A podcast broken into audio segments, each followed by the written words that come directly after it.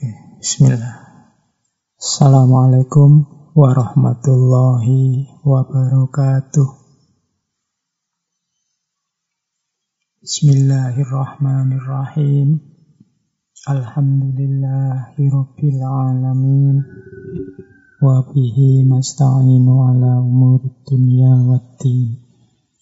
Allahumma salli wa sallim wa barik ala habibina wa syafi'ina Sayyidina wa maulana Muhammadin wa ala alihi wa ashabihi wa man tabi'ahum bi ihsanin ila yaumiddin. Bismillah Mari kita lanjutkan ngaji filsafat kita tetap dengan niat dan dengan sikap istiqomah untuk menambah wawasan, memperdalam ilmu. Semoga bisa manfaat, bisa barokah, menyelesaikan banyak masalah dalam hidup kita, meningkatkan kualitas kualitas hidup kita sedikit demi sedikit. Ngaji ini hakikatnya ya kita belajar bersama. Jadi kalau bahasa Jawanya sinau bareng. Bukan seperti fatwa agama yang isinya harus diikuti. Jadi tidak apa-apa kalau teman-teman ada yang tidak cocok, ada yang tidak setuju dengan isi dari ngaji sebagian besar ngaji kita itu kan kita ngangkat tokoh-tokoh dari barat, dari timur, dari Indonesia, dari Jawa, macam-macam. Ya pastinya tidak semuanya cocok untuk hidup kita. Selain ruangnya beda, waktunya juga kadang-kadang beda dan situasinya juga beda. Tapi insya Allah banyak hal, banyak manfaat bisa kita ambil banyak hikmah bisa kita lanjutkan dari gagasan para tokoh-tokoh itu. Oke, jadi mari kita mulai ya belajar bersama kita. Karena ini sifatnya belajar bersama ya berarti teman-teman memposisikan saya ini sebagai teman belajar saja, konco sinau. Saya juga tidak selalu benar yang saya sampaikan. Sopo ngerti ada satu dua yang keliru, satu dua yang salah omong, ya monggo saja diingatkan. Yang jelas, mari kita istiqomahi ngaji. Baik, malam hari ini kita bertemu di sesi kedua membahas tentang kepemimpinan. Cuma malam hari ini kita agak berbeda ya. Malam hari ini kita ketemu tokoh yang banyak sekali dikritik, tokoh yang banyak sekali dianggap jadi pionirnya gagasan-gagasan negatif tentang seorang pemimpin. Beliau bernama Niccolo Machiavelli. Dulu awal-awal ngaji tokoh ini pernah juga kita bahas. Tapi malam hari ini kita agak fokus ke gagasan-gagasan beliau tentang leadership atau kepemimpinan. Karena ini tokoh yang banyak dikritik, ya mungkin nanti banyak gagasan-gagasan beliau yang teman-teman merasa tidak seret merasa tidak cocok atau menganggap itu buruk, menganggap itu jelek. Mungkin juga nanti ada yang tanya, Pak, yang jelek-jelek kok dipelajari? Lu kecil, kita belajar itu tidak cuma tentang kebaikan, tapi juga kita harus tahu tentang keburukan. Kita tidak cuma harus ngerti tentang akhlakul mahmudah, tapi juga kita harus tahu tentang akhlakul mazmumah. Dalam rangka apa? Biar kita terhindar dari yang buruk-buruk, dari yang jelek-jelek. Ya meskipun demikian, gagasan-gagasan Machiavelli yang malam hari ini kita coba angkat, ya ndak semuanya jelek. Insya Allah nanti ada beberapa yang penting. bagi kita para calon pemimpin. Nanti kita lihat ya, kita uraikan lebih detail lagi tentang beliau ini. Jadi bagi yang belajar filsafat, beliau ini lahir di era yang kita kenal sebagai era Renaissance. Era ketika Barat mulai muncul kembali sebagai pusat peradabannya dunia sekitar abad ke-15. Dan Machiavelli lahir di era ini. Jadi beliau ini lahir di satu kota di Italia, namanya kota Florence. Florence itu kalau di Italia zaman itu itu salah satu yang dikenal sebagai city state. City state itu Mungkin terjemahan gampangnya ya negara kota. Jadi tidak seperti teman-temannya yang lain, Spanyol apa Inggris, Italia ini di era Renaissance ini pecah-pecah jadi banyak city state. Saling bersaing, saling menaklukkan. Misalnya ada zaman itu city state Venice misalnya. Venice ini satu city-state yang jadi pusat perdagangan dari Laut Mediterania. Kemudian ada juga city-state Milan yang sekarang terkenal sepak bolanya. Nah, itu dulu juga city-state yang populer, terkenal juga dengan tentara bayarannya. Nah, kalau Machiavelli ini lahirnya di city state namanya Florence. Kalau teman-teman membaca sejarahnya Florence ini di era city state ini mungkin pernah dengar nama keluarga Medici. Keluarga Medici ini keluarga penguasa yang terkenal sekali dan jadi pendukung tokoh-tokoh jenius seperti Leonardo da Vinci, kemudian Michelangelo, dan lain-lain. Nah, Machiavelli lahir di Florence. Ketika Florence ini tidak terlalu kondusif karena terjadi persaingan, terjadi perebutan pengaruh antara pemerintah dan gereja saat itu. Ayahnya seorang pengacara. Dan nanti Machiavelli ini juga terkenal jadi penasehatnya salah seorang penguasa di Florence saat itu yaitu Cesare Borgia. Dia jadi penasehatnya saat Cesare Borgia ini menaklukkan Italia. Tapi kemudian penguasa yang didukung oleh Machiavelli ini kalah, jatuh, Florence dikuasai lagi oleh keluarga Medici. Machiavelli ditangkap, diinterogasi, Yo pastinya mengalami penyiksaan-penyiksaan wong diinterogasi oleh musuhnya. Tidak mungkin cuma diajak ngobrol seneng-seneng ya mesti ini disiksa segala. Tapi kemudian beliau bisa membela diri dan dibebaskan, diasingkan. Nah nanti ketika Machiavelli ini diasingkan, lahirlah beberapa karya tulis yang luar biasa terkenal, termasuk yang banyak malam hari ini kita kutip dari salah satu masterpiece-nya, yaitu The Prince atau Il Principe. Kalau diterjemah pakai bahasa Indonesia ya Sang Pangeran yang ditulis tahun 1513. Ini ditulis di pengasihan beliau di satu perkebunan yang kecil yang terasing. Tapi karya ini nanti luar biasa. Meskipun beliau juga nulis karya-karya yang lain seperti The Art of War, seni berperang atau Nulis juga beliau tentang sejarah Florence, A History of Florence.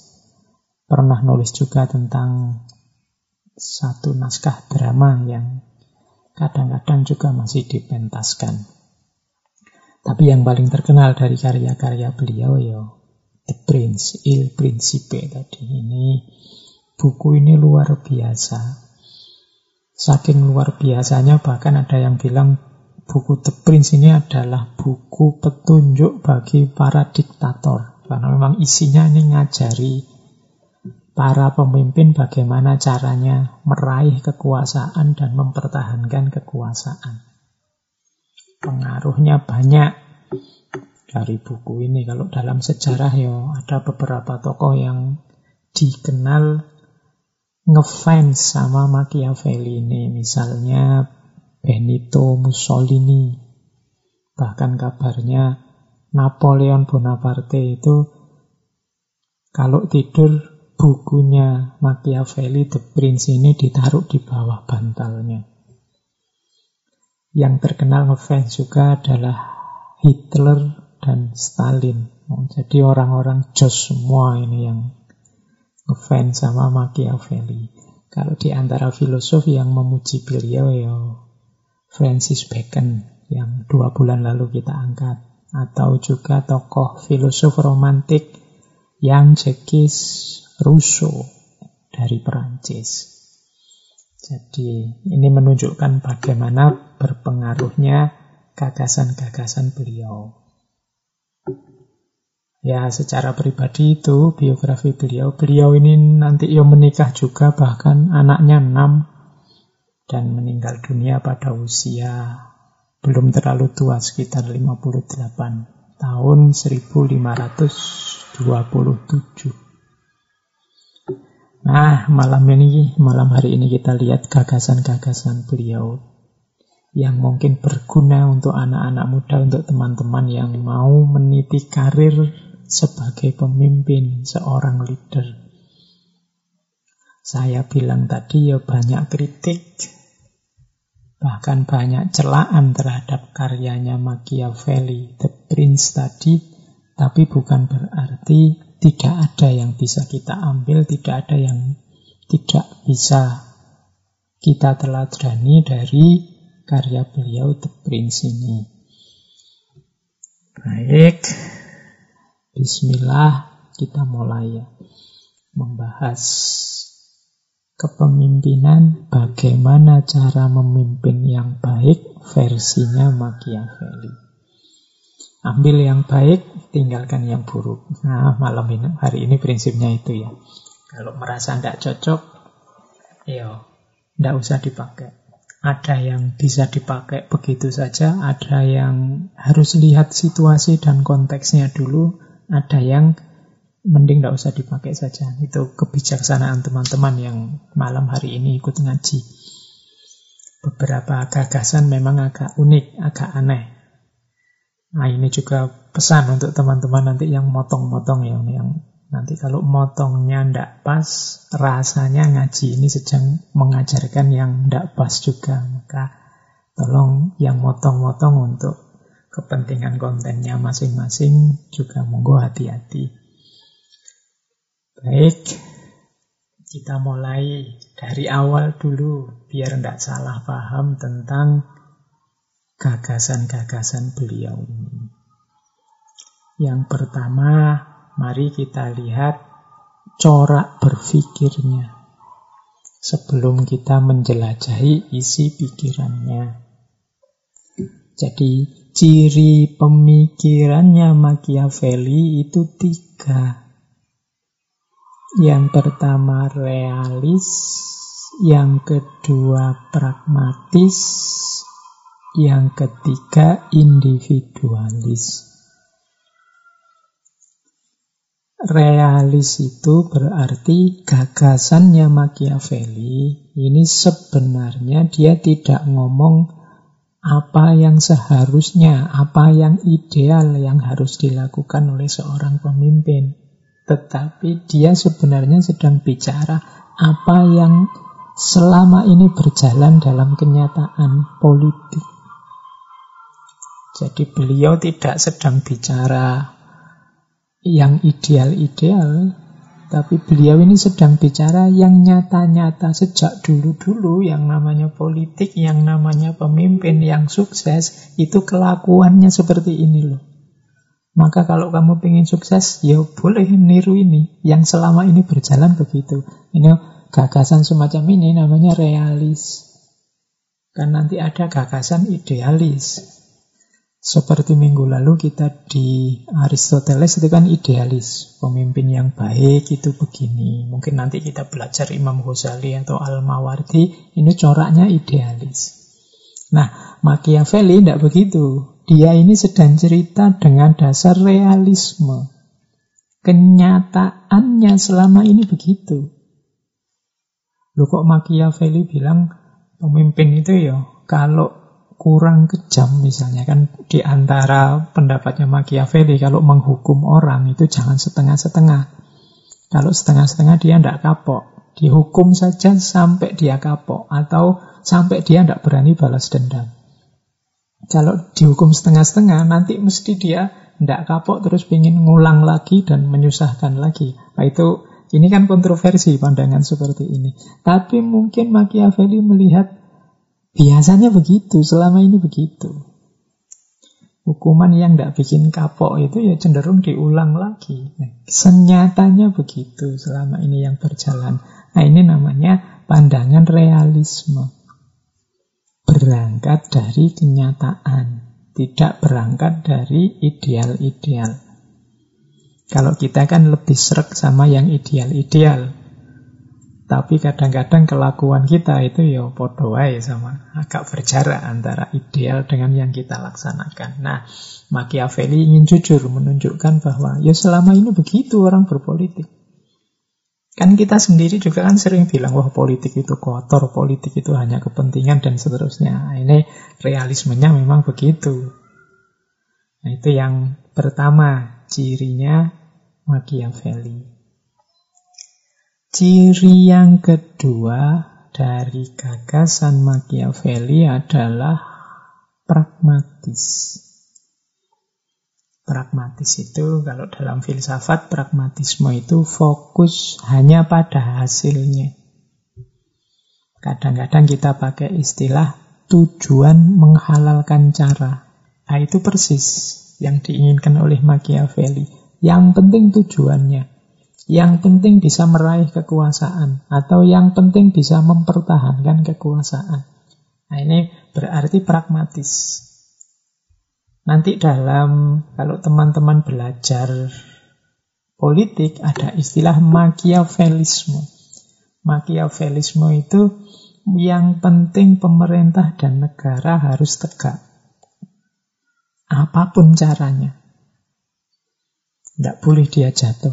Itu Machiavellisme. Apakah dengan cara yang baik atau dengan cara yang curang atau dengan cara yang licik, monggo yang penting pemerintah dan negara itu harus selalu tegak, jangan sampai jatuh. Nah, pandangan semacam ini sering disebut Machiavellisme karena memang ciri semacam ini yang dikembangkan oleh Machiavelli. Ciri pragmatis. Yang penting kan tujuannya. Gunanya apa? Cara ruwet-ruwet, rumit-rumit, ideal-ideal kalau tidak sampai tujuan. Itu mungkin yang ada di pikirannya Machiavelli. Jadi kebenaran sesuatu itu dilihat dari efeknya, hasilnya. Terserah prosesnya apa. Nah itu kalau mahasiswa yo misalnya ini. Yang penting kamu lulus cepat, dapat ijazah, IP-mu tinggi. Terserah caramu gimana. Kamu mau belajar serius, ngapalin buku ya monggo. Kamu mau curang kalau ujian nyontek ya monggo. Atau kamu mau pendekatan sama dosennya ke rumahnya membawa buah 10 kilo ya monggo. Yang penting kan lulus cepet, nilainya bagus, dapat ijazah. Ah, ini namanya pragmatis. Yang penting dapat pacar, kamu mau pendekatan normal atau pendekatan material atau pendekatan perdukunan atau pendekatan monggo yang penting untuk nah itu pragmatis namanya Nah, ini yang dikembangkan oleh Machiavelli. Yang penting tujuannya. Yang ketiga, individualis. Jadi individualis khususnya seorang penguasa. Seorang penguasa itu dia harus ambisius, berani ngambil resiko, kemudian berani membuat aturan sistem baru yang menguntungkan dirinya, dan lain sebagainya. Dan itu alamiah. Manusia itu ya punya kecenderungan nyari untungnya sendiri, nyari enaknya sendiri, nyari sistem yang cocok untuk pertama-tama untuk dirinya. Jadi ini individualis. Di realisme, pragmatisme, dan individualisme. Ini ciri pikiran-pikirannya Machiavelli. Baik, kita lanjutkan. Nah, selanjutnya ini masih bagian dari ciri juga. Ada yang punya analisis begini membaca pikiran-pikiran Machiavelli itu jangan dengan kerangka etis, tapi dengan kerangka medis. Ya kalau pakai kerangka etis, gagasan-gagasan yang dilontarkan oleh Machiavelli itu rasanya tidak bermoral semua. Masuk manusia bisa sekejam itu, manusia bisa selicik itu, manusia bisa semunafik itu, manusia bisa securang itu mungkin begitu. Itu kalau pakai kerangka etis. Ada yang bilang membacanya jangan pakai etis, tapi pakai medis. Medis itu maksudnya pengobatan. Maksudnya apa kok dibaca sebagai medis itu? Karena nasihat-nasihatnya Machiavelli yang ditujukan kepada penguasa saat itu itu sebenarnya dalam rangka untuk memperkuat negaranya. Memperkuat Florence. Yang saat itu kan bolak-balik ganti penguasa, bolak-balik perang, bolak-balik konflik sehingga negara jadi lemah. Untuk biar negara kuat butuh seorang pemimpin, butuh seorang penguasa yang kuat. Maka jadi pemimpin ini jadi obatnya, pemimpin yang kuat ini jadi alat medisnya. Maka membacanya medis. Bahkan ada kalimat dari Machiavelli itu seditious people should be imputed before they infect the whole state. Orang-orang yang berkhianat itu dianggap seperti anggota tubuh yang cacat yang apa terinfeksi. Ini harus segera diamputasi. Kalau tidak diamputasi, dia nular ke anggota masyarakat yang lain. Jadi makanya beberapa saran dari Machiavelli rasanya kok kejam ya. Tapi tidak, ini dalam rangka mengamputasi anggota tubuh yang terinfeksi. Dia harus dihabisi sampai tuntas biar apa? Tidak nular. Kalau orang-orang yang berkhianat, orang-orang yang curang ini nular, lama-lama negara tambah lemah, negara bisa jatuh. Nah, ini obatnya. Itu makanya membacanya secara medis tidak, secara etis ya memang tidak masuk. Masuknya secara medis. Nah, ini ada yang punya perspektif seperti itu. Ya monggo silahkan dikontekstualkan dengan situasi yang pas butuh medis itu kapan. Ketika etik tidak bisa masuk lagi. Ya, kalau dunia medis itu kan etiknya khusus. Misalnya dokter, itu kan dia punya etik khusus. Kalau dalam kondisi normal kamu tidak boleh lihat auratnya lawan jenis, tapi dokter punya situasi khusus. Dalam kondisi normal ya tidak boleh kamu melukai orang lain. Tapi dokter ya dia bahkan bisa membelah perutmu, dia bisa ngedel-edel isi perutmu ya macam-macam dokter tetap dianggap etis, dia punya etika khusus. Jadi dalam dunia etik kan memang ada wilayah-wilayah khusus, medis misalnya, perang, perang itu kan juga punya etika khusus. Kalau dalam situasi perang kan tidak bisa kita pakai etika normal. Kalau ketemu saudara saling menghormati, saling menghargai, ya tewas kalau kamu dalam situasi perang. Olahraga, pertandingan misalnya kan ada etikanya khusus. Tidak bisa bal-balan terus mengembangkan etika, saling menghormati, saling menghargai, saling ngalah. Orang itu bal-balan. Jadi membacanya berarti Machiavelli membaca secara medis. Ini konsep perspektif dan cara baca ini penting karena hari ini kita bergumul di dunia data dan informasi. Kita hidup di dunia perhapean, dunia internet, dunia medsos yang isinya informasi-informasi yang kadang-kadang tidak jelas ini dibaca sebagai apa, sebagai etis kah, sebagai medis kah, sebagai guyon kah, sebagai sekedar informasi kah? Nah ini teman-teman yang harus cerdas menyikapi informasi apa pun yang masuk biar tidak keliru. Karena salah baca itu bisa bikin konflik, bisa bikin masalah. Yang harusnya dibaca secara medis, dibaca secara etis. Terus kamu demo dokter-dokter, dasar dokter ndak ngerti agama, auratnya orang kok dibuka-buka. Loh ya kamu salah ya dokter ya ora pakai etis. Dokter secara medis punya etika sendiri. Wah dasar dokter kejam sekali. Giginya orang dicabuti. Loh itu etika medis. Jangan dijajarkan dengan etika yang lain. Kalau perang ada penyiksaan, ada pembunuhan, ya itu memang situasinya perang. Oke, kita lanjutkan. Jadi seperti itu cara membaca. Kalau kita canggih mendaya gunakan ini, kita pinter tahu cara membacanya seperti apa, ini konteksnya apa, dalam situasi apa, dengan kacamata apa harus dibaca. Mungkin tidak banyak konflik yang tidak perlu harus kita lateni hari ini. kadang-kadang konflik itu lahir karena kacamata yang berbeda saja. Baik, kita lanjutkan. Kita mulai. Kalau tadi coraknya, sekarang kita lihat asumsinya seorang Machiavelli tentang manusia. Ini penting karena nanti biar teman-teman tidak kaget. Lo kok mikirnya begitu ya? Karena dia punya pandangan sendiri tentang manusia.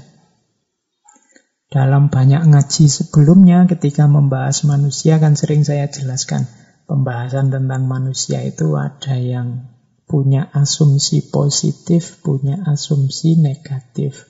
Yang punya asumsi positif bilang bahwa manusia itu hakikatnya baik. Jadi manusia itu secara alami itu dia baik. Tapi ada yang kebalikannya, punya pandangan bahwa manusia itu hakikatnya buruk. Manusia itu secara alami jelek. Kalau dibiarkan saja, ya dunia ini rusak. Maka perlu aturan, perlu pemimpin yang nata, dan lain sebagainya. Nah, Machiavelli ini ada di kubu yang kedua. Dia orang yang punya pandangan bahwa manusia itu secara natural itu dia buruk, dia jahat. Katanya Machiavelli, manusia itu punya ciri paling tidak enam. Yang semuanya jelek-jelek. Jadi kalau dibiarkan saja pasti begini. Yang pertama apa? Tamak. Manusia itu tidak kenal berhenti. Kalau memang bisa diraih semua, akan diraih semua. Bahkan yang semula dituju akan ditambah. Pingin lagi, pingin lagi. Tamak. Kalau bahasa Al-Quran kan ada sindiran, Alhaqumut takathur hatta zurtumul makobir. Jadi engkau bermegah-megahan, pingin megah lagi, pingin megah lagi, pingin tambah kaya lagi, pingin tambah kaya lagi. Sampai mati. Jadi ini di ACC oleh Machiavelli, ya manusia itu tamak hakikatnya. Tujuan yang satu tercapai kan tidak berhenti. Begitu yang ini tercapai, dia ingin yang lain lagi, yang lebih lagi. Kemudian kalau sudah tercapai ingin lebih lagi, ingin lebih lagi terus. Wah. Jadi kalau tidak diantisipasi ketamaan ini, manusia itu isinya yo kemerungsung terus dari lahir sampai mati. Karena dia hakikatnya tamak. Begitu ngerti sesuatu yang enak, ingin ditambah-tambah, ingin diulang, ditambah, diulang, ditambah. That's manusia. Ciri pertamanya tamak.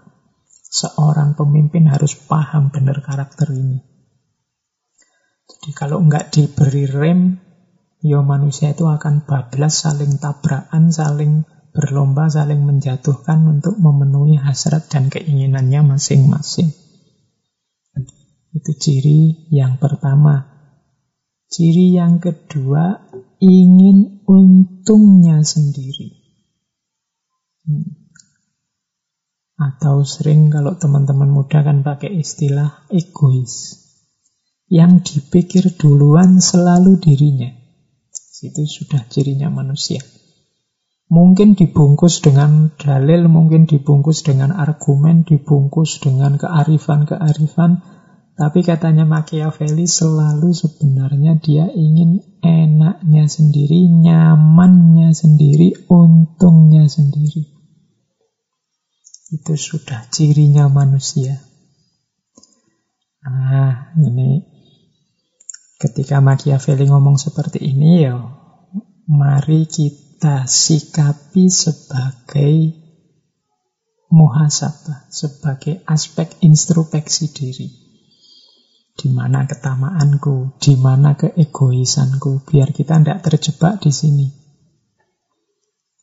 Kemudian yang ketiga, manusia itu biasanya tidak kuat susah tidak betah sengsara. Ingin segera lepas kalau hidupnya tidak nyaman, tidak enak. Nah, ini sering menjebak penguasa-penguasa yang cerdik. Dia mengerti benar situasi ini. Jadi ingin segera lepas dari bahaya. Karena dia tidak tahan, tidak kuat. Maka kadang-kadang ada penguasa tertentu yang untuk membuat orang suka dengan dirinya, itu terlebih dahulu orang yang dia pimpin dibikin susah. Tambah susah, tambah susah, nanti dia hadir untuk mengurangi kesulitan itu. Nah, itu ini dia ngerti benar wataknya manusia yang ingin segera lepas dari bahaya. Nah itu kan ada cerita dari Nasruddin yang dulu pernah kita bahas itu. Ini filosof ulama yang lucu. Jadi suatu ketika ada tetangganya mengadu pada Nasruddin. Dia cerita begini, Nasruddin, hidupku ini kok susah ya. Hidupku ini kok sumpah terus. Pingin rasanya lega, pingin rasanya nyaman gitu. Tapi rasanya kok ruwet. Nasruddin ngasih nasihat, oh kalau kamu pengen hidup nyaman, hidup lega, kamu beli ayam 10 Terus kamu pelihara di dalam rumahmu. Dia karena ini yang ngasih nasihat filosof, ulama. Dia ikuti petunjuknya Nasruddin ini. Dia beli ayam 10 dipelihara di dalam rumah. Dapat seminggu tambah stres deh. Aduh, kemarin rumah nyaman-nyaman sekarang Ke mana-mana nabrak ya ayam tambah sumpek kan. Datang lagi dia ke Nasruddin. Nasruddin, gimana ini nasihatmu? Sudah saya beli ayam, hidupku tambah sumpek, tambah ruwet. Oh, kalau gitu kamu beli lagi bebek 10 masukin ke rumah. Kenapa tidak tambah ruwet? Stop, pokoknya beli bebek. Nanti pada akhirnya kamu akan nyaman. Ya sudah, wong yo masih percaya sama Nasruddin dia belilah bebek 10 dimasukkan rumah lagi. Oh iya, tambah ruwet rumahnya. Tambah tidak karu-karuan. Kemudian datang lagi dia ke Nasruddin. Nasruddin pecah kepalaku di rumah tambah tidak karu-karuan anak istri tambah marah. Oke, wah kalau gitu butuh nasihatku yang terakhir ini. Apa yang nasihat yang terakhir? Oke, karena tadi ayam sudah ada, bebek sudah ada, sekarang kamu pelihara kucing yang banyak. Ya minimal 10 lah, nanti masukin dalam rumah lagi. Wah ini dia sudah setengah ragu-ragu, tapi wah ini jangan-jangan memang ini nasihat yang terakhir ini kuncinya nanti. Belilah dia kucing seperti nasihatnya Nasruddin. 10 dimasukin rumah. Wah sekarang ada kucing, ada bebek, ada ru, ada ayam di rumah. Wah sudah kayak perang dunia di dalam rumah. Akhirnya dia nyerah sudah menghadap ke Nasruddin. Kamu ingin nyari solusi apa malah nyusahin aku sih? Gimana ini? Oke, oke. Sekarang nasihat yang sebenarnya. Kamu sekarang pulang, kucingmu kamu keluarkan dari rumah. Jangan di dalam rumah. Sudahlah kamu kasih ke tetangga-tetangga. Jangan ada lagi di dalam rumah. Nah, dia pulang. Terus Alhamdulillah yang kemarin kayak kapal pecah sekarang agak mending. Kucingnya sudah tidak ada, lebih longgar sedikit. Tapi ya masih sumpek, masih ada ayam, masih ada bebek. Dia ngadep lagi ke Nasruddin. Terima kasih Nasruddin agak longgar sedikit. Nah sekarang terusannya gimana ini biar lepas sama sekali. Oke sekarang langkah kedua. Bebeknya kamu keluarkan.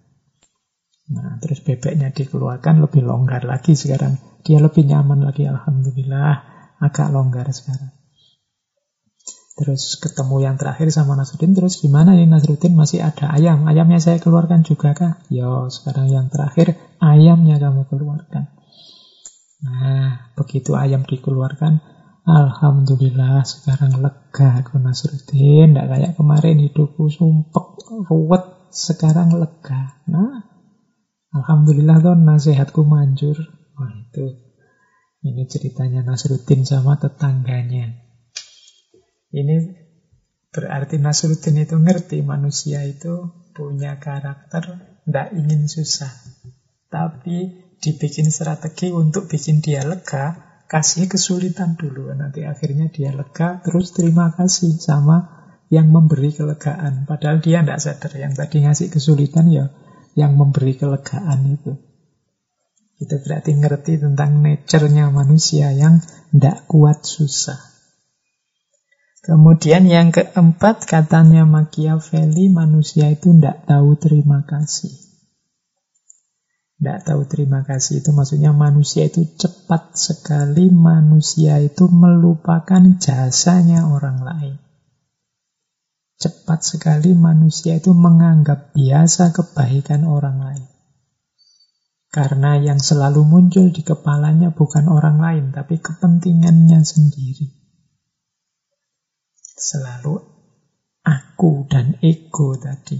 Makanya kadang-kadang orang itu habis terima kasih, tidak lama kemudian malah menyakiti yang tadi diterima kasih. Dan itu natural katanya Machiavelli, karena manusia itu selalu kepentingan-kepentingan manusia berbuat baik, misalnya ada temanmu berbuat baik seribu kali, ya kamu terima kasih. Tapi begitu dia melakukan kesalahan sekali saja, biasanya yang kamu ingat dan kamu ungkit, kamu kenang selalu satu kesalahannya ini.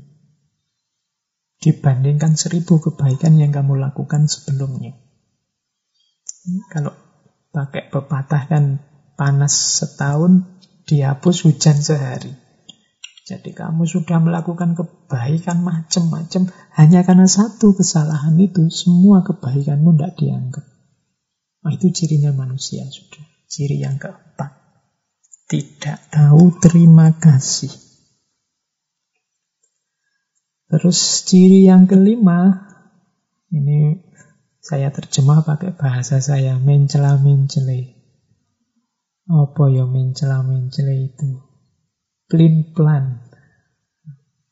Kalau pepatah Jawa, esok tom, tempe sore delay. Paginya tempe, sorenya kedelai. Atau esok diri, esok delay, sore tempe. Dan kebalikannya. Pokoknya mencela mencela. Tadi apa, sekarang apa.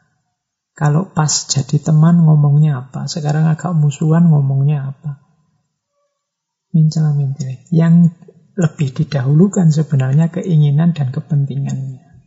Itu manusia sudah. Maka teman-teman tidak usah kaget. Loh, loh, loh. Orang ini dulu tak dukung, tapi sekarang malah dukung musuh. Kok Kok dia tidak punya pendirian? Ya itulah manusia yang tidak perlu kecewa. Memang manusia punya karakter itu.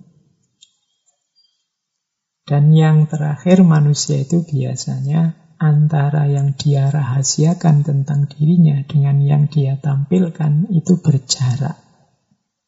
Ada bedanya. Jadi manusia itu suka menyembunyikan banyak rahasia tentang diri kita yang hanya kita dan Allah yang tahu. Bahkan orang paling dekat dengan kita pun tidak tahu. Nah, itu manusia. Silakan jujur teman-teman dengan diri sendirinya masing-masing. Ya Alhamdulillah Allah itu sangat sayang dengan kita sehingga rahasia-rahasia yang kita tutupi itu tidak terbongkar. Oke, jadi dengan paradigma realismenya, Machiavelli ini menunjukkan bahwa manusia itu karakternya tamak, ingin enaknya sendiri, ingin untung sendiri, tidak kuat susah, segera ingin lepas dari bahaya, tidak tahu terima kasih, mencela-mencele, suka menyembunyikan sesuatu. Nah, ini asumsinya tentang manusia. Nah, terus lebih ngeri lagi kalau manusia yang sudah punya karakter negatif itu masuk ke ranah politik. Katanya Machiavelli apa? Politik has no relation to moral. Politik itu tidak ada hubungannya dengan moral. ini seperti saya bilang tadi ya, ada dua hal yang berbeda antara etis dengan medis. Tapi kalau ini lebih ekstrim lagi, ada dua hal yang berbeda antara etis dengan politik. Kita kan sering digelisahkan oleh kelakuan-kelakuan para politisi yang menurut kita tidak etis. Tapi katanya Machiavelli justru politik has no relation to moral. Politik tidak ada hubungannya dengan moral. Wah ini teman-teman mesti mencurang semua ini ya. Waduh, kok bisa tuh, kok bisa tuh. Tapi inilah realitanya. Diingat-ingat paradigmanya realisme. Kenyataannya memang begitu. Kalau orang sudah masuk politik, yang bunyi duluan selalu kepentingannya, ambisinya. Bukan etika, bukan moralnya. Ada sih kajian khusus namanya etika politik. Cuma etika politik ini kadang-kadang ya sifatnya terlalu ideal. Sehingga dalam kenyataannya jadi tidak bunyi. Atau tadi sebenarnya tidak etis tapi disembunyikan biar kelihatan etis saja. Wong manusia itu suka menyembunyikan. Politik has no relation to moral. Maka teman-teman ayo waspada, ayo hati-hati siapa pun yang masuk ke dunia politik. Ya ini Machiavelli ngomongnya dalam paradigma realis. Kenyataannya begitu. Ya mari kalau mampu kita bangun kenyataan yang berbeda bahwa berpolitik dan bermoral juga bisa jalan seiring. Itu PR kita semua. Sehingga teorinya Machiavelli ini nanti bisa diubah. Bahwa berpolitik sekaligus bermoral itu bukan dua hal yang bertentangan.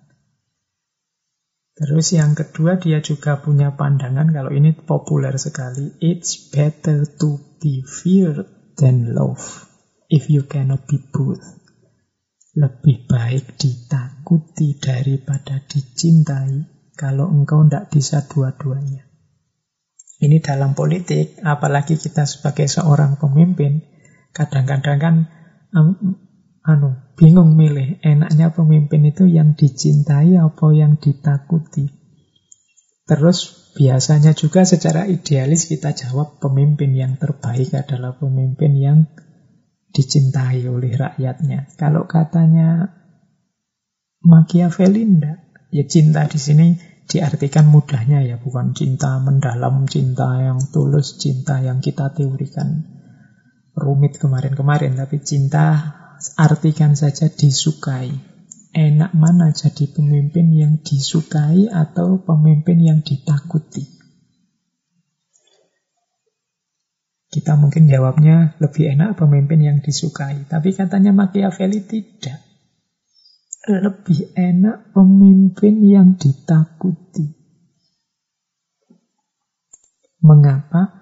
Loh, manusia itu dengan karakter-karakter buruknya tadi Iya, sekarang dia menyatakan diri suka sama kita. Tapi kalau nanti kepentingannya berubah, atau dia merasa terancam oleh kehadiran kita, wah cinta, kesukaannya dia akan berbalik. Yang tadinya muji-muji sekarang bisa menyerang.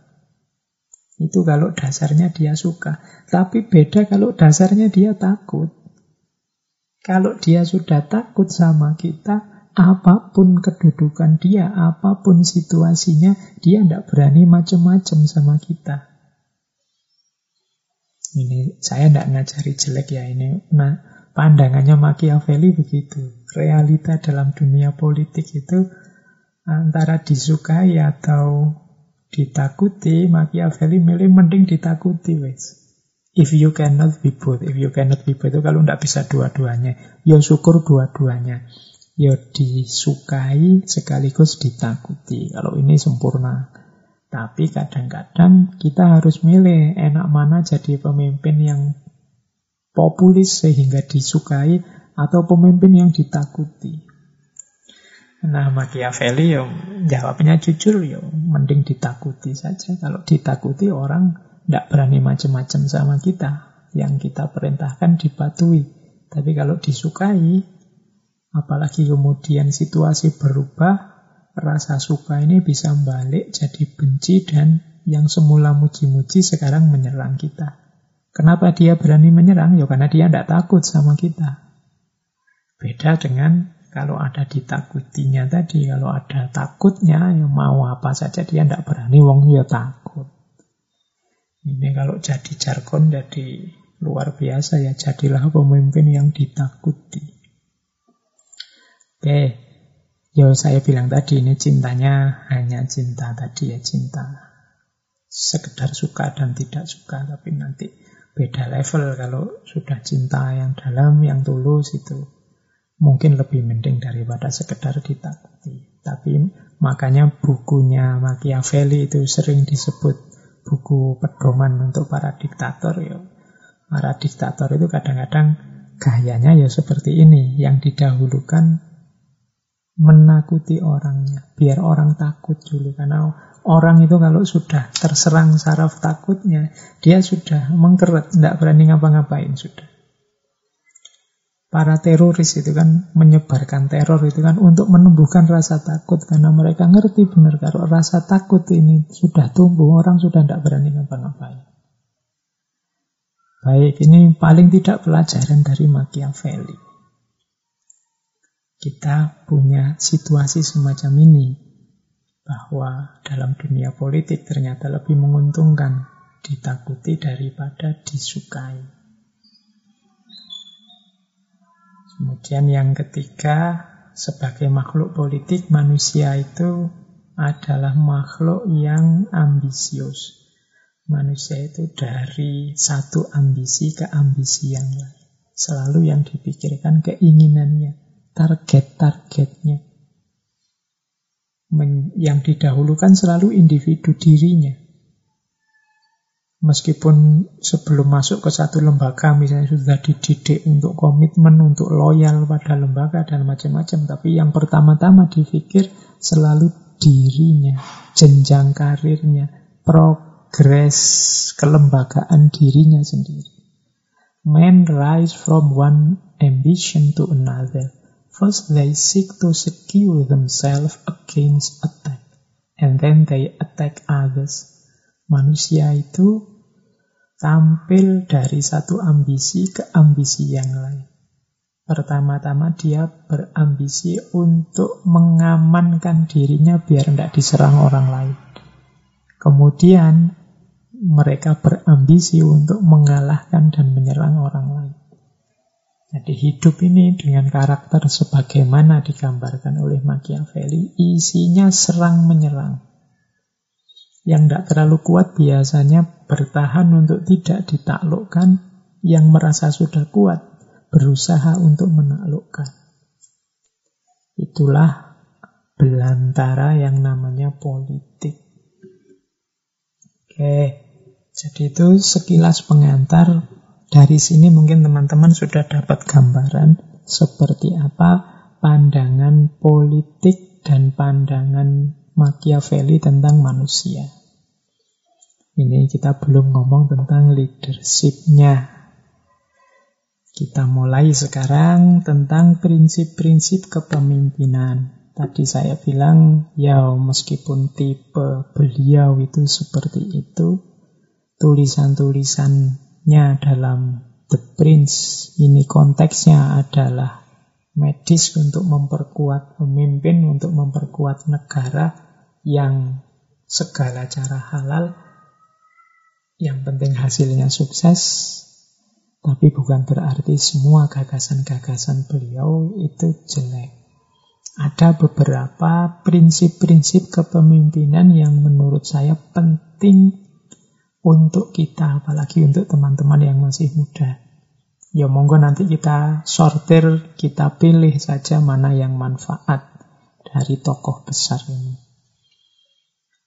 Baik, bismillah, kita mulai leadership principles. Jadi prinsip-prinsip kepemimpinan versi Machiavelli. Ada beberapa yang tidak saya ambil karena mungkin terlalu negatif, jadi kita ambil yang lebih positif atau yang bisa dimaknai secara positif. Karena kalau yang negatif-negatif nanti mungkin diskusinya lebih banyak di filsafat politik. Tapi bulan ini kan kita fokus untuk membangun karakter seorang leader yang kuat, yang bisa ditiru, yang mampu memimpin dengan baik. Yang pertama, katanya Machiavelli, before all armed. Sebelum apa pun, sebelum segalanya. Be armed itu persenjatai dirimu. Kalau di bukunya Machiavelli mungkin arahnya kalimat ini ya harus punya pasukan, harus punya senjata sebagai seorang pemimpin.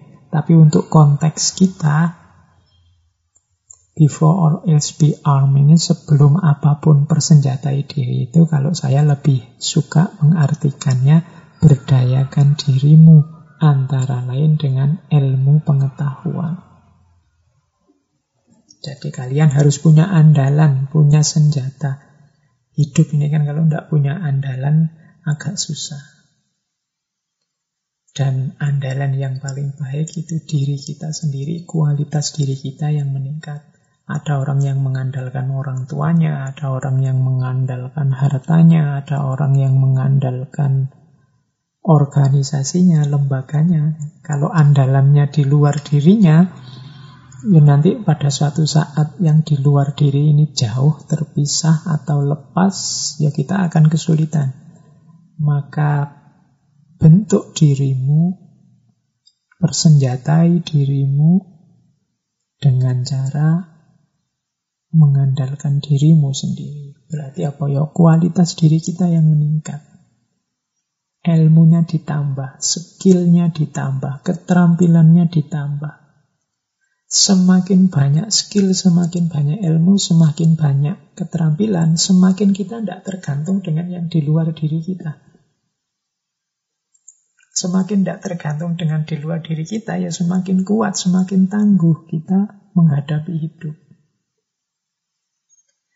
Saya tidak ngerti teknologi laptop, maka tiap kali laptop rusak, itu kan harus ke di servisan. Kenapa aku tidak ngerti? Coba aku ngerti, tidak butuh servisan. Ya kalau pas rusaknya servisnya buka, atau servisnya belum bubar karena tutup atau bangkrut.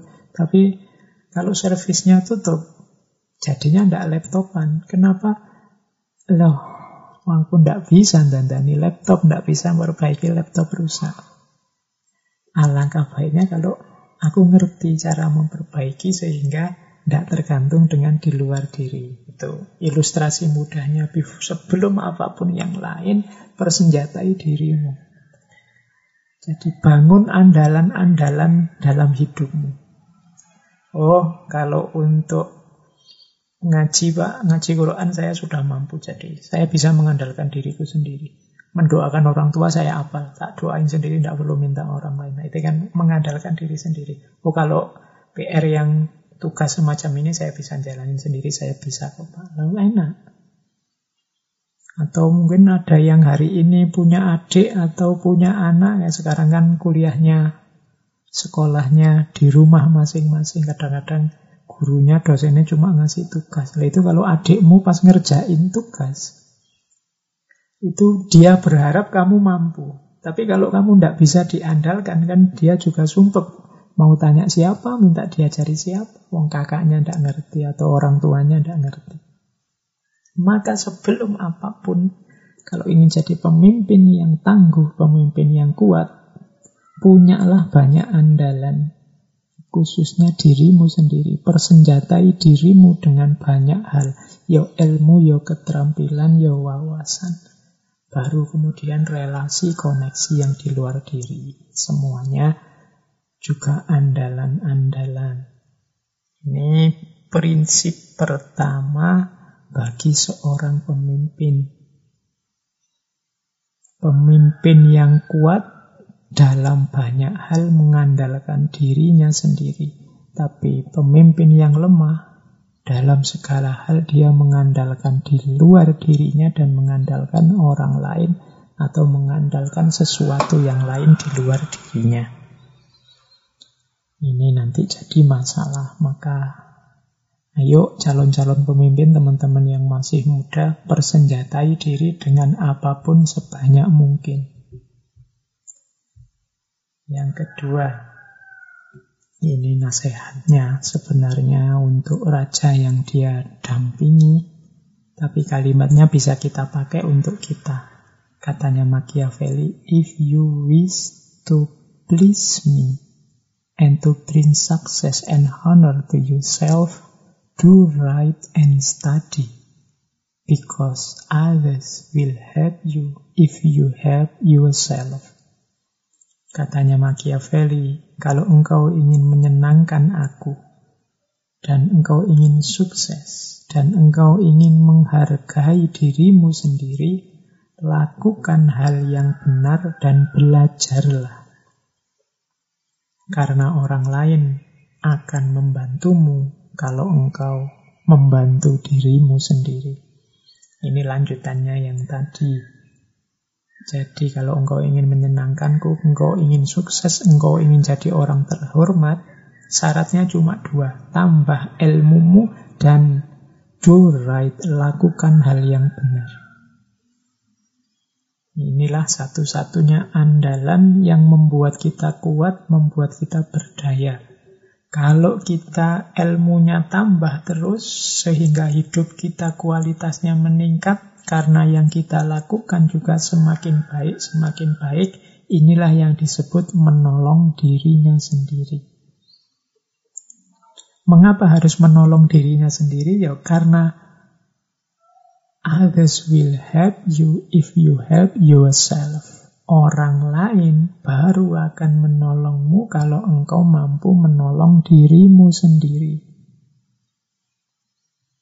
Jadi bantuan orang lain, pertolongan orang lain, itu kalau diilustrasikan seperti kalau kita punya sarung terus robek, kan terus kita nambal.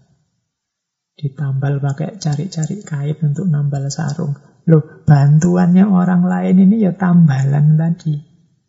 Sementara yang dari kita sarungnya. Lah kalau sarungnya saja tidak ada, orang lain mau nambal apa? Kita punyanya cuma tambalan sarung saja, sarungnya tidak ono. Ini seperti orang yang mengharapkan bantuan orang lain saja, dia sendiri tidak memberdayakan dirinya. Maka katanya Machiavelli, tidak kamu harus belajar bertindak yang benar sehingga kamu kuat. Nanti kalau ada kurang-kurangnya, orang lain bisa membantu. Itulah namanya menolong dirimu sendiri. Kalau kamu sudah menolong dirimu, baru orang lain dapat masuk menolongmu di bagian yang kamu tidak mampu. Di bagian sarungmu yang robek, dicari kain yang lain untuk nempel. Tapi kalau sarungnya sendiri tidak ada, tidak ada gunanya tempelan kain tadi. Ini pelajaran buat para pemimpin. Untuk tadi ya tidak menggantungkan, tidak mengandalkan yang di luar diri. Ya memang dalam banyak hal kita pasti punya kekurangan, tapi kita sendiri sebenarnya sudah kuat. Hanya dalam beberapa hal kita butuh dibantu orang lain. Tapi bantuan itu bukan primer. Dia hanya nutup yang kita kurang. Primernya kita sendiri sudah tangguh. Nah ini yang kedua. Jadi quote yang pertama dan yang kedua ini berbicara tentang seorang pemimpin itu pertama-tama harus kuat dulu, berdaya dulu. Mungkin ada yang bilang, ah pemimpin tidak kuat, tidak apa-apa kok Pak. Yang penting nanti milih pembantu-pembantu yang kuat. Ya juga. Kalau hanya pembantunya yang kuat, dia sendiri tidak kuat, dalam sejarah banyak kerajaan, banyak cerita-cerita zaman dulu, justru di situ nanti jadi awal kehancuran sebuah kerajaan. Karena pemimpinnya lemah. Karena betapapun pemimpin adalah yang paling tinggi, yang menata segalanya. Maka dia juga harus berdaya, punya kekuatan. Baik, yang ketiga. Nah, ini untuk pemimpin juga. He who wishes to be obeyed must know how to command. Ia yang berharap dipatuhi harus tahu bagaimana caranya memerintah. Ini penting juga seorang pemimpin belajar cara memerintah. Belajar cara mengajak, belajar cara menghimbau, belajar cara menarik perhatian orang lain, belajar cara biar ditaati orang lain. Kadang-kadang yang diperintahkan benar, baik, tapi cara merentahnya keliru. Akhirnya tidak ada yang mau patuh. Maka pemimpin itu penting untuk belajar ini. Jadi belajar bijaksana ngomongnya, belajar bijaksana tindakannya, belajar bijaksana cara mengajaknya. Jadi mungkin teman-teman kadang mimpin organisasi apa, mimpin lembaga apa, itu sudah instruksi capek-capek, tidak ada yang nuruti. Sudah teriak-teriak ngajak, tidak ada yang mau datang. Sudah ngundang untuk acara tertentu, yang datang tidak ada 10%. Terus kita stres. Nah, ini mungkin saatnya introspeksi. Jangan-jangan kita yang kurang mampu dalam hal seni memerintah. Karena tadi manusia itu bukan makhluk yang gampang. Dia punya ciri 5 apa 6 tadi katanya Machiavelli. Oh itu harus pinter-pinter, kadang-kadang harus dilembuti, kadang-kadang harus dikerasi, bahkan dibuat takut. Kadang-kadang harus dibikin ngeri, kadang-kadang karena manusia itu begitu atau harus dirayu, atau harus dicontohkan dulu, atau harus dibuat simpati dulu, dan lain sebagainya. Itu namanya must know how to command, cara merentah. Ini tidak cuma urusan organisasi besar seperti negara atau ormas, organisasi yang kecil-kecil. Kalian yang guru misalnya kadang ngajar di kelas, nyuruh muridnya diem aja sampai sumpek sendiri, sudah teriak bolak-balik, sudah ngedok-ngedok papan, sudah banting-banting penghapus yo. Muridnya sih ngomong dewe sih. Nah, itu kan jangan-jangan memang cara kita merentah, cara kita menarik perhatian yang harus belajar lagi. Atau di rumah, teman-teman yang mungkin ngajari adiknya, lagi enak-enak diajari dia lari ke mana, perhatiannya ke mana, main HP dan macam-macam. Orang tua dengan anak-anaknya. Sudah capek memberi nasihat, jangan main HP terus, jangan main game terus, jangan main di luar terus, tapi kok ya tidak pernah dipatuhi. Nah, ini mungkin ada hubungannya dengan seni memerintah. Mungkin retorikanya kurang, mungkin perlu percontohan, mungkin perlu dan macam-macam. Pokoknya monggo para pemimpin ini teman-teman yang malam hari ini kebetulan ikut ngaji, seni memerintah itu penting. Belajarlah. Karena kita semua pemimpin di level apa pun hidup kita. Kan enak kalau apa yang kita inginkan, apa yang kita perintahkan dipatuhi oleh orang-orang yang ada di bawah tanggung jawab kita. Jadi leadership prinsip yang ketiga, he who wishes to be obeyed must know how to command. Dia yang berharap dipatuhi harus tahu bagaimana caranya memerintah. Oke, kita lanjutkan. Prinsip leadership yang keempat dari Machiavelli. The lion cannot protect himself from traps, and the fox cannot defend himself from wolves. One must therefore be a fox to recognize traps and a lion to frighten wolves. Ini mohon maaf ya saya ndak nulis terjemahannya di prinsip-prinsip leadership ini termasuk minggu lalu waktu Aristoteles. Tapi tidak apa-apa saya terjemahkan langsung saja. Kalau teman-teman yang butuh nulis terjemahannya, ya monggo silahkan ditulis. Jadi seekor singa tidak bisa melindungi dirinya dari perangkap-perangkap. Dan seekor rubah tidak bisa membela diri dari serigala. Seseorang oleh karena itu harus bisa jadi rubah untuk mengenali perangkap-perangkap dan bisa jadi singa untuk membuat takut serigala. Nah, ini di prinsip ini ada tiga binatang yang terlibat. Yang pertama singa, yang kedua rubah, yang ketiga serigala. Ini rubah sama serigala ini sebenarnya satu keluarga. Kalau rubah itu biasanya lebih kecil. Ekornya panjang, agak panjang dan berbulu. Kalau yang rubah, kalau yang serigala ya teman-teman tahulah wujudnya agak besar, gagah biasanya berkelompok-kelompok. Nah, ada beberapa ciri dari binatang tiga ini. Kalau singa ini dia raja hutan, gagah. Semua binatang takut padanya.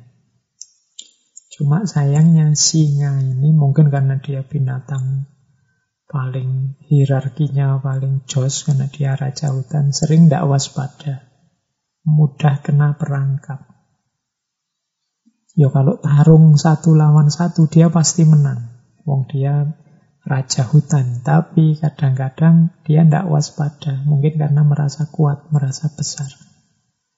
Singa itu mudah diperangkap. Beda dengan rubah. Kalau rubah, ini dia cerdik. Dia bisa mendeteksi, dia bisa mengenali kalau dijebak, kalau ada perangkap-perangkap, sehingga dia bisa menghindar.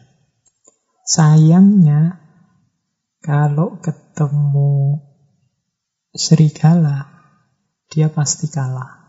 Sebaliknya tadi, singa kalau ketemu serigala, oh, serigalanya yang lari. Terus maksudnya bagaimana? Katanya Machiavelli, seorang pemimpin itu harus punya kualitas rubah dan punya kualitas singa.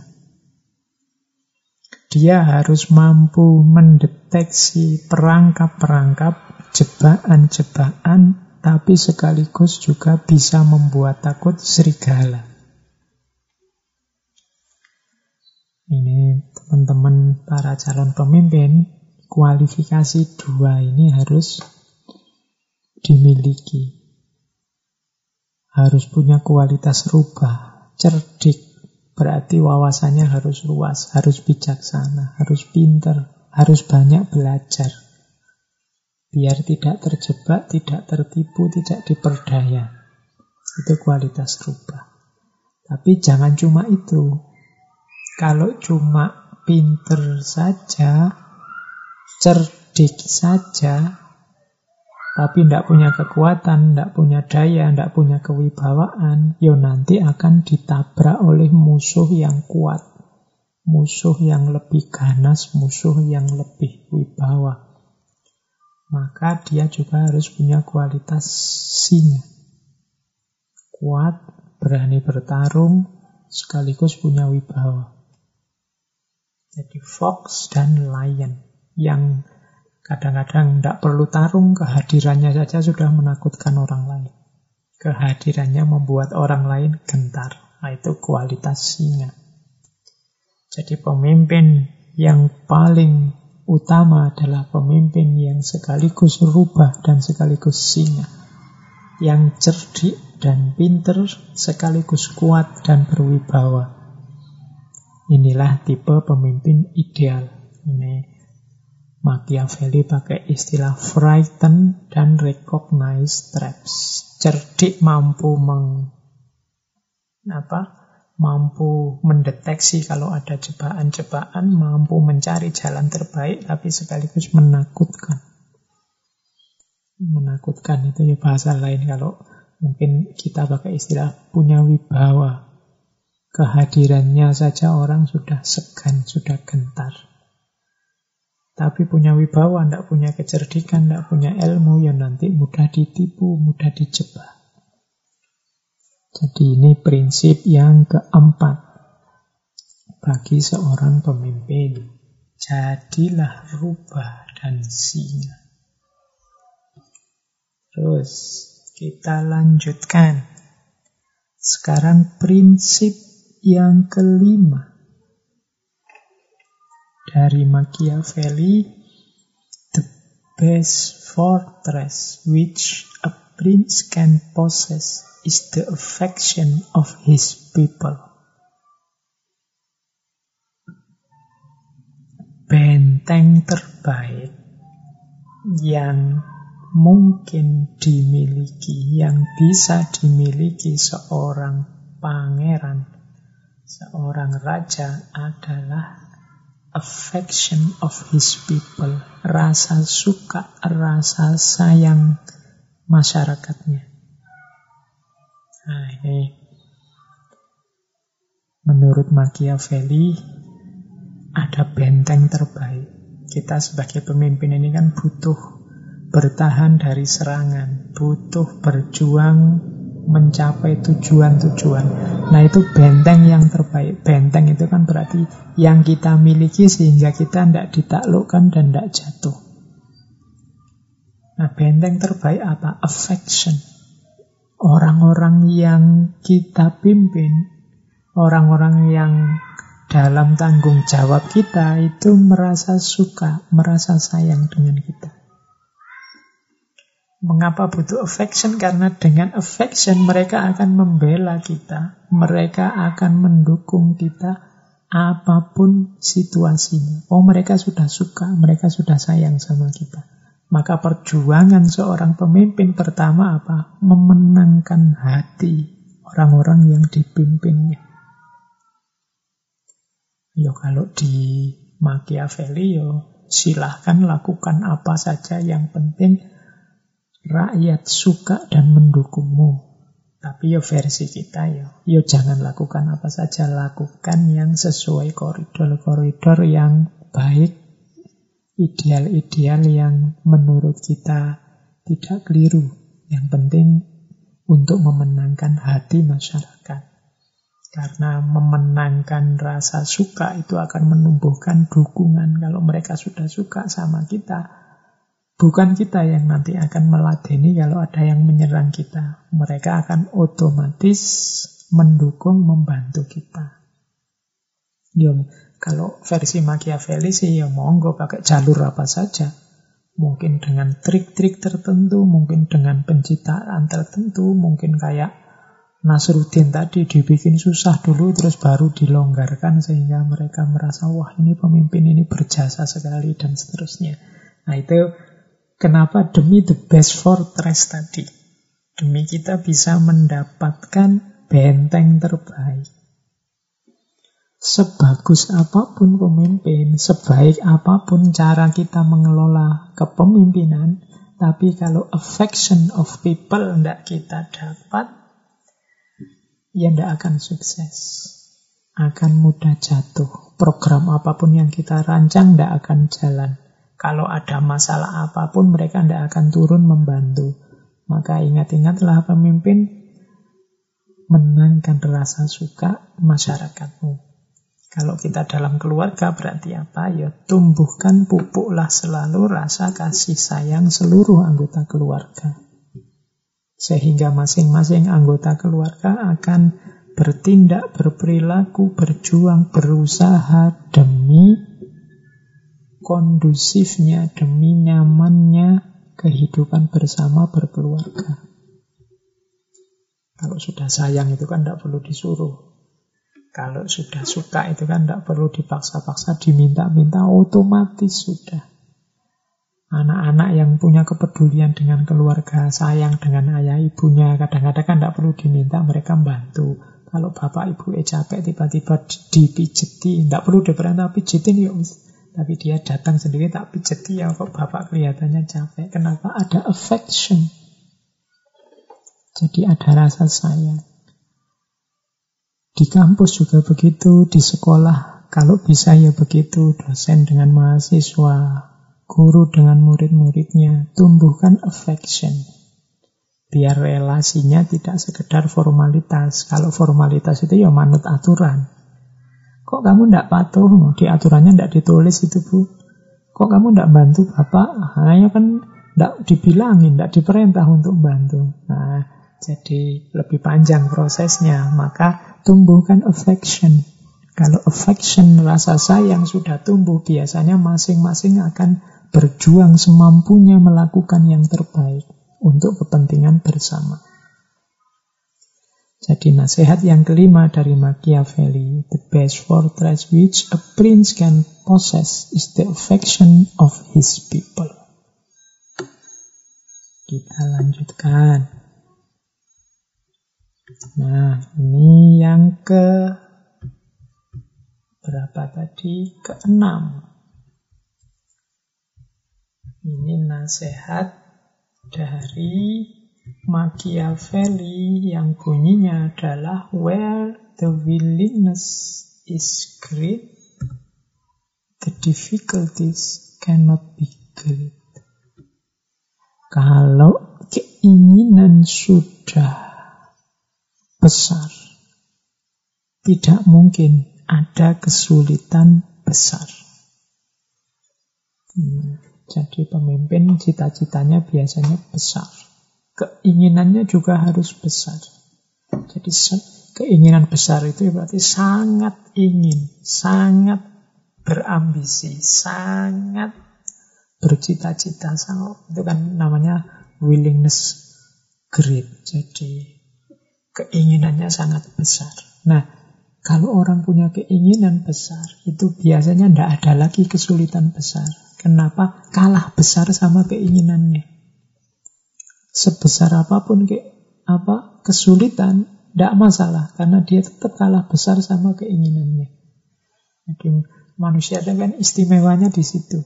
Semakin besar keinginan, semakin kecil rintangan, semakin kecil kesulitan. Misalnya teman-teman sudah pokoknya punya target Kadang-kadang targetnya tidak masuk akal. Tapi semua kesulitan rasanya kecil kalau memang sangat serius. Kadang-kadang mahasiswa itu, ya kan saya selalu contohnya mahasiswa dunia saya, dunia kampus. Ada yang dapat target yang harusnya tidak masuk akal. Misalnya ini sudah 10 hari lagi kamu mau ke DO, kalau ingin selesai tidak ke DO, skripsimu harus beres dalam waktu satu minggu misalnya.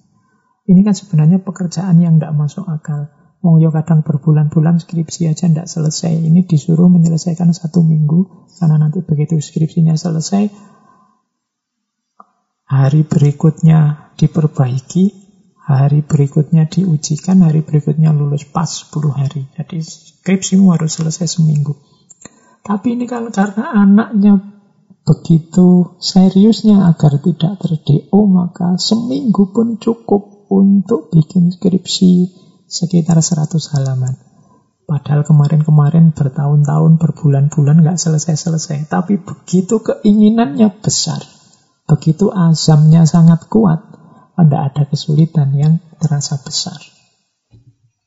Direwangi tidak tidur, direwangi kurang makan, direwangi tidak main, direwangi. Padahal biasanya sehari-hari hanya rebahan, hanya pegang HP, hanya santai-santai ngopi sama temennya, sekarang semua bisa ditinggal. Dalam waktu seminggu skripsi bisa jadi. Kenapa bisa begitu? Willingness-nya great. Keinginannya besar. Maka semua kesulitan jadi kecil. Sementara sebelumnya, sebelum dia terancam DO, kesulitannya mungkin kecil-kecil, tapi keinginannya lebih kecil. Tidak terlalu serius, tidak terlalu fokus. Akhirnya ya skripsi ini tidak jadi-jadi. Nah ini pelajaran teman-teman bahwa eh ternyata willingness itu penting. Kalau dalam bahasa agama niat itu penting. Ayo ditata niatnya, ya termasuk ngaji ini kan, yang niatnya ditata. Karena niat ini nanti menentukan proses, menentukan hasil sekaligus memperkecil arti kesulitan kalau memang kita sudah sangat berniat. Pokoknya saya harus dapat itu Pak. Tahun ini ini sudah harus beres. Ini kalau willingness-nya great, kesulitan itu jadi kecil. Tidak ada biaya sih, tidak apa-apa nanti kita cari-carikan Pak kalau biaya. Ini teman kita rasanya kurang yang bantu, ah gampang lah Pak, nanti setiap orang kita beli tugas double insya Allah mereka mau, mereka juga semangat. Pokoknya tidak ada kesulitan yang bisa menghalangi kalau willingness-nya sudah great. The difficulties cannot great. Berarti apa? Para pemimpin, di mana pun kalian memimpin, targetkan hal-hal besar dan niati secara serius. Jadi will-nya harus kuat. Maka segala kesulitan akan tampak kecil. Ini prinsip selanjutnya. Jadi seorang pemimpin yo jangan gentar oleh kesulitan. Kesulitan dia pasti kalah oleh niat kita, oleh semangat kita, keinginan kita. Where the willingness is great, difficulties cannot great. Fa'idha azamta fatawakal ala Allah. Pokoknya kalau sudah niat, sudah punya azam, maju sudah. Sisanya serahkan pada Allah. Tidak ada kesulitan yang tidak terselesaikan. Ini prinsip ke-6. Terus, prinsip ketujuh dari leadership adalah without an opportunity, their abilities would have been wasted. And without their abilities, the opportunity would have arisen in vain. Tanpa ada kesempatan, kemampuan mereka akan tersisihkan. Dan tanpa ada kemampuan, kesempatan akan sia-sia. Ini mungkin teman-teman sudah banyak yang tahu ya. Jadi kuncinya kesuksesan itu dua, kemampuan dan kesempatan.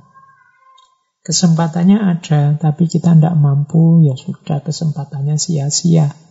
Kita mampu sih, tapi kesempatannya tidak ada. Ya, sudah. Kemampuan kita tidak ada gunanya. Maka perhatikan dua kombinasi ini.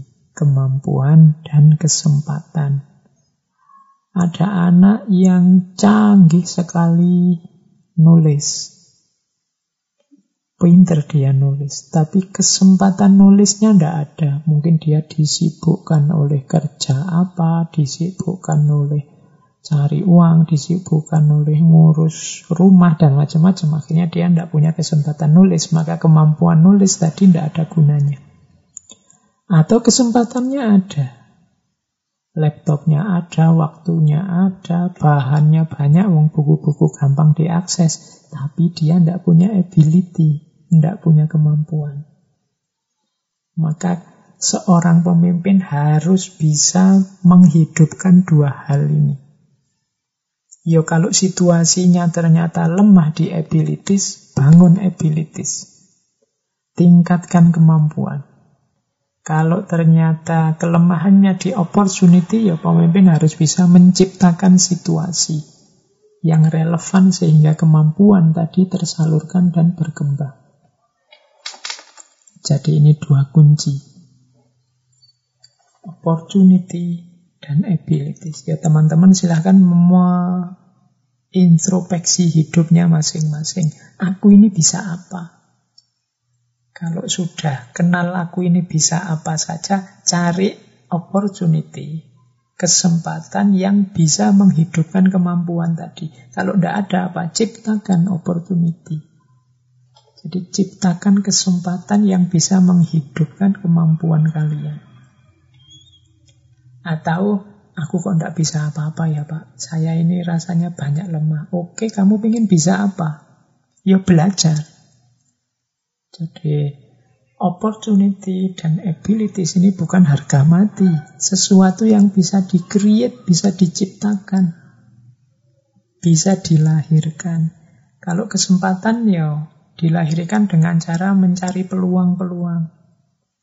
Kalau kemampuan, ya dengan cara latihan-latihan. Insya Allah nanti pasti ketemu dua hal ini, abilities dan opportunity, kalau diupayakan secara serius. Seorang pemimpin punya tanggung jawab ngomong dua aspek ini. Kemampuan yang dipimpin dan menciptakan kesempatan sesuai kapasitas orang-orang yang dipimpin. Jangan membuka kesempatan tentang apa, tapi ternyata orang yang dipimpin tidak ada yang bisa. Atau yang dipimpin bisanya apa, dia malah merancang program apa. Ya dua-duanya tidak ada gunanya, tidak nyambung. Ini prinsip yang ketujuh. Prinsip yang kedelapan. Nah, ini Katanya Machiavelli, it is better to act and ripen than not to act and regret. Katanya Machiavelli lebih baik bertindak. Kemudian ripen itu bertobat. Karena keliru terus tobat. Ya Allah saya tadi yang saya lakukan salah itu ripen tobat. Mungkin kalau bahasa Indonesia juga kadang diterjemahkan menyesal. Then not to act and regret daripada tidak melakukan apa-apa terus menyesal. Mending regret. Eh mending ripen daripada regret. Jadi kan kita sering dalam hidup ini berisi dengan penyesalan-penyesalan tapi dari dua penyesalan dua jenis penyesalan yaitu ada menyesal karena melakukan sesuatu atau menyesal karena tidak melakukan sesuatu, katanya Machiavelli, lebih bagus menyesal karena melakukan sesuatu. Kenapa? Lebih lega, lebih puas. Saya sudah mengupayakan ini dan gagal. Ya sudah. Ya menyesal. Tapi lega karena sudah melakukan. Jangan saya tadi ragu-ragu makanya saya tidak ngapa-ngapain, tapi ya akhirnya tidak dapat apa-apa. Coba tadi saya ngapa-ngapain. Nah ini namanya regret. Jadi lebih baik melakukan sesuatu kemudian menyesal daripada melak tidak melakukan sesuatu dan menyesal.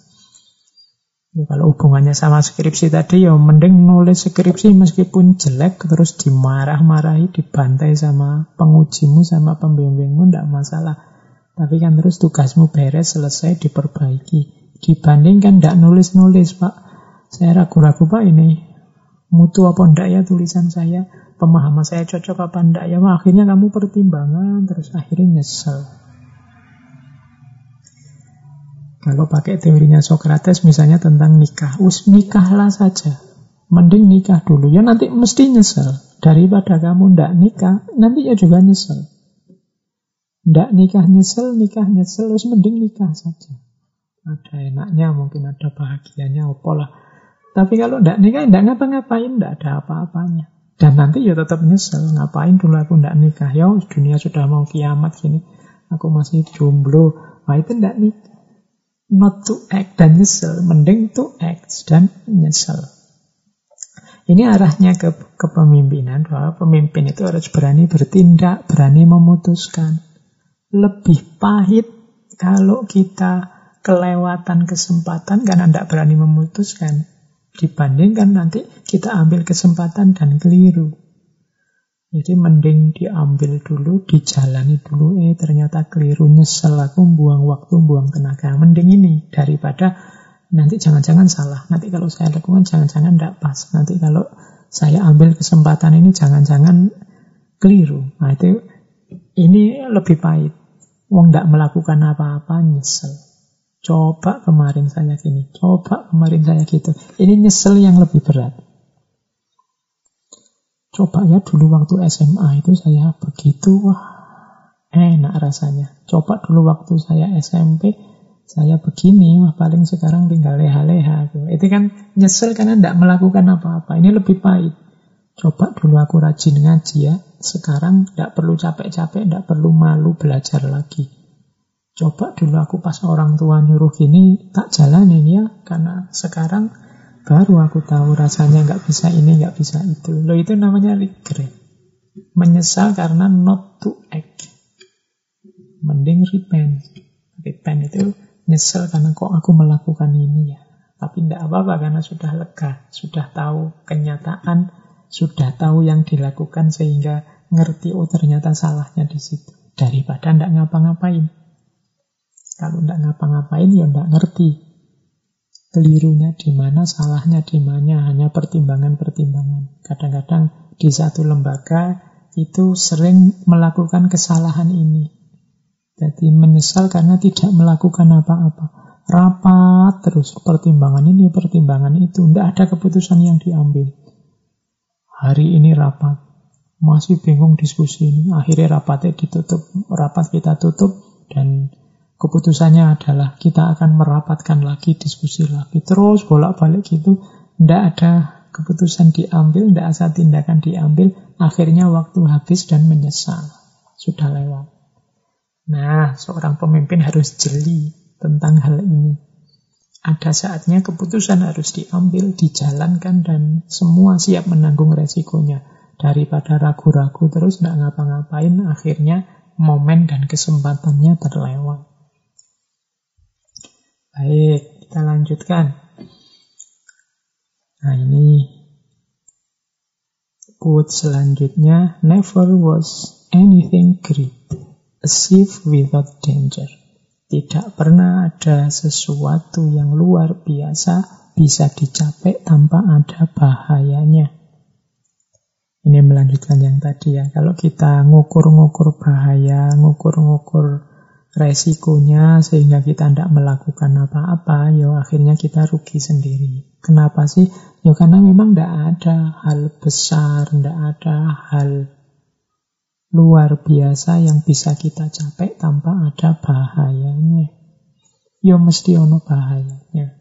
Kayak tadi yang anak dikejar-kejar harus selesai skripsinya, itu ya ketemu banyak bahaya. Akhirnya dia melean. Bahayanya apa? Ya mungkin dia sakit nanti karena diforsir, mungkin dia stres, mungkin dia dibenci temennya karena diajak ke mana-mana, tidak mau diajak jalan, tidak mau diajak ngopi, tidak mau hanya demi skripsi. Lo itu kan bahaya-bahayanya. Tapi kalau tidak berani mengambil resiko ini, skripsimu tidak selesai-selesai. Bahkan kamu nanti kena DO. Maka never was anything great.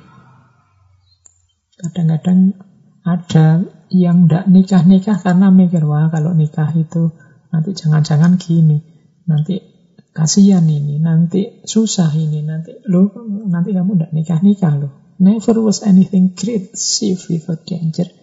Nah kalau kamu mempertimbangkan bahaya, ya apa saja ada bahayanya. Tidur di rumah juga bahaya. Mungkin kena penyakit macam-macam. Jangan keluar-keluar loh. Nanti kalau di luar sekarang banyak kecelakaan misalnya. Lo kecelakaan tidak selalu di jalan, di rumah ada. Bahkan ada orang tiduran di rumah lo ketabrak. Bukan ketabrak mobil, ketabrak pesawat. Dulu kan ada pesawat itu yang bablas sampai nabrak rumah atau yang jatuh sampai nabrak rumah. Lo ini orangnya sudah tidak ke mana-mana di rumah. Itu bisa ketabrak pesawat. Loh, itu kan tidak nyambung sama pikiran kita. Cuma ini kalau yang jadi pertimbangan, oh ya sudah. Kita mau minum manis, tidak berani makan asin, tidak berani mau bahkan minum air putih kalau kebanyakan nanti resikonya ini bahkan oh itu bahkan banyak teori macam-macam kan yang bahaya.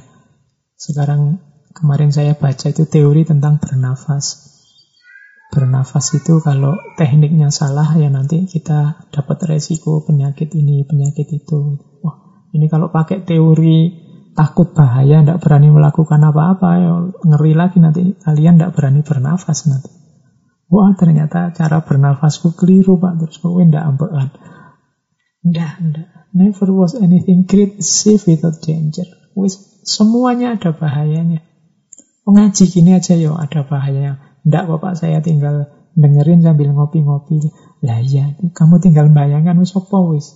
Bahayanya kopi, bahayanya di depan laptop, bahayanya dengerin HP laptop deket-deket, itu kalau kamu cari bahayanya, mas, sampean ngaji filsafat rong jam, itu berarti HP-nya kamu deketin denganmu dua jam non-stop. Laptopnya kamu deketin denganmu dua jam non-stop. Itu bayangkan radiasinya. Itu kalau kena otak kita, harus tidak ngaji kamu akhirnya. Karena mikir bahayanya. Ya bukan berarti nekat, bukan berarti konyol bunuh diri, tapi pinter-pinterlah mengambil keputusan penting meskipun itu ada bahayanya. Karena hidup itu kan ada hierarkinya, mana ranking satu, mana ranking dua, mana ranking tiga. Mending dibenci teman daripada skripsiku tidak selesai. Karena ke depan nanti efeknya lebih besar. Mungkin mending sedikit-sedikit kena radiasi daripada ndak belajar, ndak sekolah. Wong sekarang sekolah itu daring semua. Ini sekolah daring semua, jangan-jangan berapa tahun ke depan ini anak-anak kita, generasi kita kena penyakit ini karena radiasinya, internet radiasinya, gelombangnya HP misalnya. Tapi kan di hierarki itu kan ya mungkin mending inilah daripada nanti bodoh semua, ndak pinter semua gara-gara sekolahnya libur bertahun-tahun karena virus corona. Ini namanya prioritas. Maka jangan mikir bahaya kalau ingin mencapai sesuatu. Diukur dulu, dikalkulasi dulu prioritas dan tidak prioritasnya. Oke, baik. Terus Menurut Machiavelli lagi ini prinsip ke 10. There is no other way to guard yourself against flattery than by making men understand that telling you the truth will not offend you.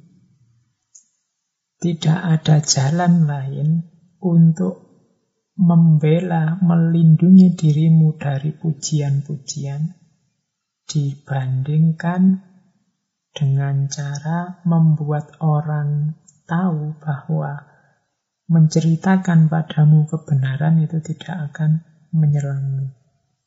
Ini kalau diterjemahkan letterlet begitu. Ini kalau terus ditaruh di buku, akhirnya kamu bingung bacanya. Jadi maksudnya apa? Karena diterjemahkannya letterlet.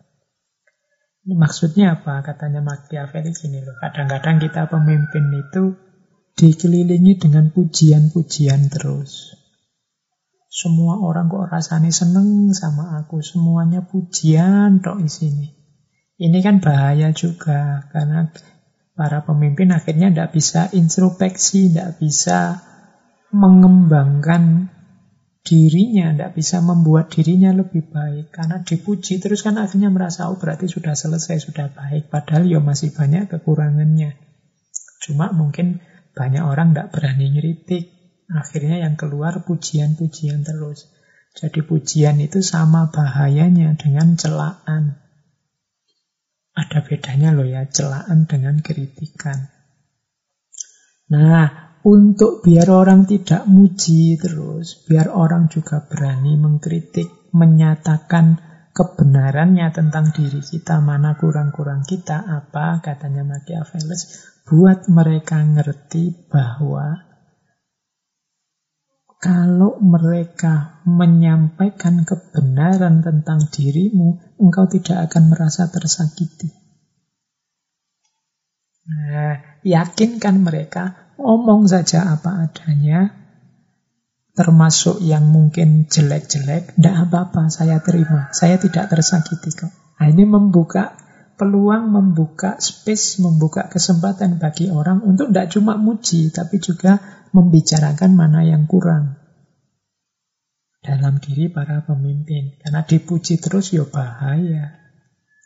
Katanya Machiavelli, biarkan mereka ngerti bahwa menceritakan kebenaran tentang dirimu itu tidak membuatmu sakit, tidak membuatmu tersakiti.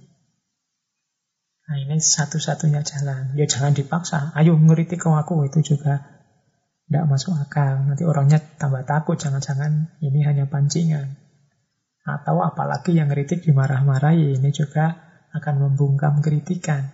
Tapi yang bagus apa? Tunjukkan pada mereka, tidak apa-apa kamu ngeritik kok saya. Tunjukkan saya lemahnya di mana, kurangnya di mana. Saya tidak tersakiti kok. Itu Machiavelli. Ya kadang-kadang orang itu kan kalau ngomong dengan kenyataannya kan beda. Oh, saya dikritik tidak apa-apa kok, tapi begitu dikritik, wah mencak-mencak, tidak terima. Ya, pengalaman kita semua, tidak usah lihat ke mana-mana. Kalian yang aktif di dunia postingan itu kan, meskipun kalian tiap hari keluar-keluar, dikritik tidak apa-apa, diberi masukan tidak apa-apa, wong saya itu tidak sempurna. Tapi begitu ada yang kritik beneran kan kita pontang-panting ingin menjawab, pontang-panting ingin meluruskan meluruskan, menjawab. Ini kan intinya menunjukkan bahwa saya itu sudah benar. Jangan dikritik kan cuma itu. Ya sama saja berarti kan kita masih belum terbuka. Jadi katanya Machiavelli lo kalau ingin bagus kepemimpinan kita jangan cuma mencari pujian tapi dengarkan juga kritikan. Biar orang tidak cuma muji, ya tunjukkan pada mereka bahwa menceritakan yang sebenarnya itu tidak membuatmu tersakiti. Itu tadi yang saya sebut bedanya makian dengan celaan. Eh, bedanya makian celaan dengan kritikan. Kalau kritikan itu ngomong yang sebenarnya tapi bagian yang jelek. Kalau celaan itu kan hanya apa memaki, jadi tidak solutif. Tapi kalau kritik itu ada unsur kebenarannya, ada unsur faktanya, ada unsur solutifnya. Ini lo tak tunjukkan perkataanmu atau perbuatanmu yang bagian tidak pas. Nah, itu namanya kritik. Jadi kritik itu isinya kebenaran. Loh kalau kritik isinya tidak kebenaran, itu namanya bukan kritik, tapi fitnah. Baik, kita lanjutkan. Prinsip ke-11. A man who is used to acting in one way never changes. He must come to ruin when the times in changing no longer are in harmony with his ways. Seseorang yang terbiasa berakting, bertindak in one way, dengan satu cara, never change, tidak pernah berubah. Dia pasti akan hancur pada saatnya dalam perubahan. Karena tidak sesuai dengan karena ada perubahan yang tidak sesuai dengan jalan hidupnya. Jadi ada pemimpin atau banyak di antara kita yang hidupnya itu mono. Zaman dulu kan ada monofonik. Monofonik itu HP yang suaranya mono, tidak stereo. Nanti ada mono, ada stereo, terus ada poliponik. Orang hidupnya yang sejalur. Gitu terus. Dia punya prinsip, dia punya gaya, dia punya style, dan seperti itu terus. Tidak berubah-berubah. Sementara hidup ini berubah. Pada saatnya gayanya tadi, prinsip-prinsipnya tadi akan hancur. Kenapa? Situasi berubah. Sehingga prinsipnya, gaya hidupnya tidak cocok lagi. Jadi dia sendiri yang akan kalah.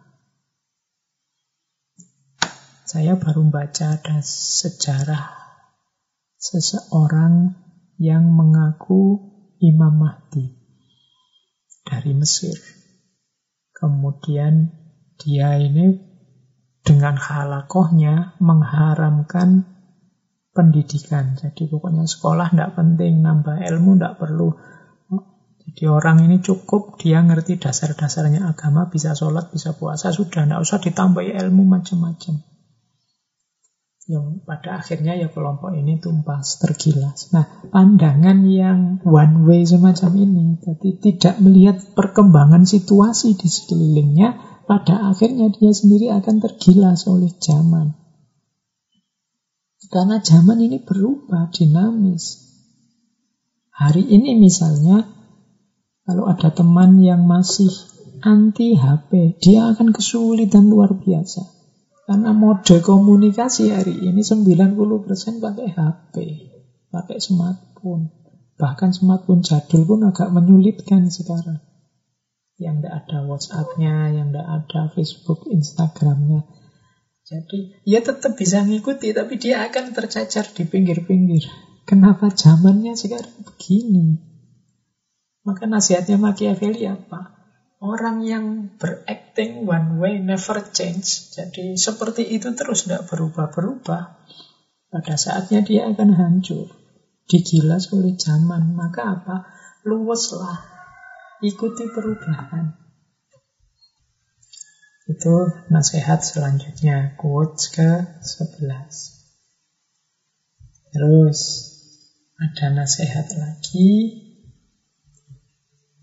Ini how we live is so different from how we ought to live. Bagaimana kita hidup itu berbeda dengan bagaimana kita harus hidup. He who studies what ought to be done rather than what is done will learn the way to his downfall rather, rather than to his preservation. Bagaimana kita hidup itu beda dengan bagaimana kita harus hidup. Ia yang belajar bagaimana harus dikerjakan, apa yang harus dikerjakan dibandingkan apa yang telah dikerjakan akan apa meniti jalannya menuju kejatuhan daripada bertahan. Ini maksudnya apa? Gini loh. Hidup ini memang ada idealisme. Tapi jangan lupa realitas. Idealisme itu how we ought to live. Sementara realitas itu how we live. Bagaimana kita harus hidup dan bagaimana kita hidup yang sebenarnya. Katanya Machiavelli, kita harus belajar lebih banyak tentang apa yang sebenarnya terjadi bukan apa yang seharusnya terjadi. Ideal-ideal itu penting, tapi kita harus lebih banyak belajar dari kenyataan karena banyak ideal ya dia tersisa jadi ideal, tidak bisa diterapkan, tidak bisa dijalankan. Kalau kita fokus pada ideal-ideal terus, melupakan hidup yang nyata, yang sebenarnya, Katanya Machiavelli, kita sedang meniti jalan menuju kejatuhan kita sendiri. Mengapa kita tidak kompatibel dengan zaman? Kita tidak nyambung dengan situasi sehari-hari. Jadi, maka ayo banyak belajar tentang apa yang sudah terjadi. Dari situ kita dapat banyak pelajaran. Apa tidak boleh, Pak? Punya ideal-ideal? Boleh. Punya prinsip-prinsip ideal boleh, tapi jangan lupa realitasnya. Ya memang yang paling bagus kombinasi ya, punya ideal tapi juga bisa negosiasi, bisa dialog dengan kenyataan.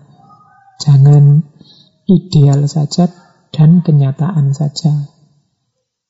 Karena dua ini nanti kalau tidak hati-hati kan dua-duanya jadi ekstrim. Orang yang berpikir ideal, idealis saja.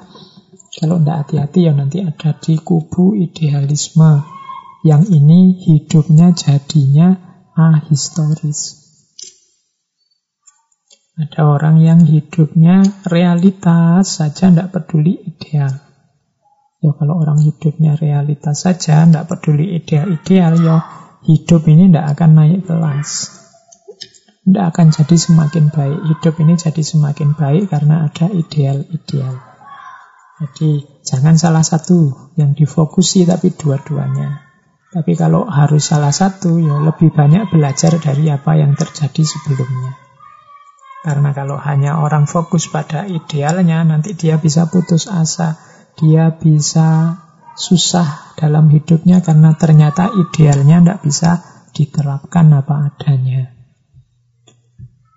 Terus, prinsip selanjutnya. Everyone sees what you seem to be. Few know what you really are, and those few do not dare take a stand against the general opinion. Setiap orang melihat dirimu sesuai kelihatannya. Hanya sedikit orang yang tahu dirimu apa adanya. Dan dari yang sedikit itu lebih sedikit lagi yang tidak berani melawan pandangan umum. Nah ini para pemimpin berhadapan dengan persepsinya orang yang dipimpin. Katanya Machiavelli, ingatlah orang-orang yang kamu pimpin itu. Setiap orang akan melihatmu sesuai yang kamu tampilkan, sesuai yang kamu tampakkan. Jadi, ya karena orang tidak bisa mendalam sampai detail ke hakikat hidup kita. Dia melihat kita, oh orang ini tiap hari ke masjid, tuh berarti dia orang soleh. Kan kita menyimpulkannya hanya cuma itu. Oh, orang ini suka puasa Senin Kemis, berarti dia religius. Oh, orang ini kalau ngomong maki-maki, oh berarti dia orang jelek, berarti orang tidak bisa menjaga mulutnya. Jadi orang menilai kita hanya dari kelihatannya kita. Yang tahu kita yang asli itu hanya sangat sedikit orang. Mungkin orang-orang dekat kita, orang-orang yang pernah berinteraksi langsung dengan kita. Ini orang yang tahu tentang diri kita yang sejati. Ada lagi, katanya Machiavelli, dari sekian sedikit orang yang tahu tentang kita itu, lebih sedikit lagi yang berani melawan pandangan umum. Jadi ada beberapa orang yang ngerti aslinya kita. Tapi beberapa orang ini banyak yang tidak berani menyebut aslinya kita. Dia lebih suka ikut orang yang hanya lihat tampilannya kita. Ya contohnya gini. Misalnya kita rajin, ada orang lihat saya rajin ke perpustakaan. Terus banyak orang menganggap, wah ini Pak Faiz rajin ke perpustakaan, memang dia di sana baca. Memang orang tekun Pak Faiz itu. Ini opini publik, opini umum banyak orang. Hanya sedikit orang yang tahu ternyata saya ke perpustakaan itu sebenarnya tidak untuk baca buku, tapi untuk nyari wifi gratis misalnya. Loh, ini kan ada sedikit orang yang aslinya tahu. Tapi sedikit orang ini sebenarnya kalau ditanya, eh Pak Faiz itu ke perpustakaan ngapain sih? Sebagian besar tetap akan jawab, Pak Faiz itu ya karena suka buku dia. Mungkin di sana yang baca-baca. Padahal dia tahu betul Aslinya saya itu nyari wifi gratis. Nah, dalam kehidupan sehari-hari itu seperti ini. Jarang orang yang mau mengambil resiko menyatakan kebenaran. Banyak orang lebih suka ikut saja general opinion, pandangan umum. Ya sudahlah, orang lain begitu ya saya ikut bilang begitu. Males nanti kalau saya ngomong lain ditanya macam-macam.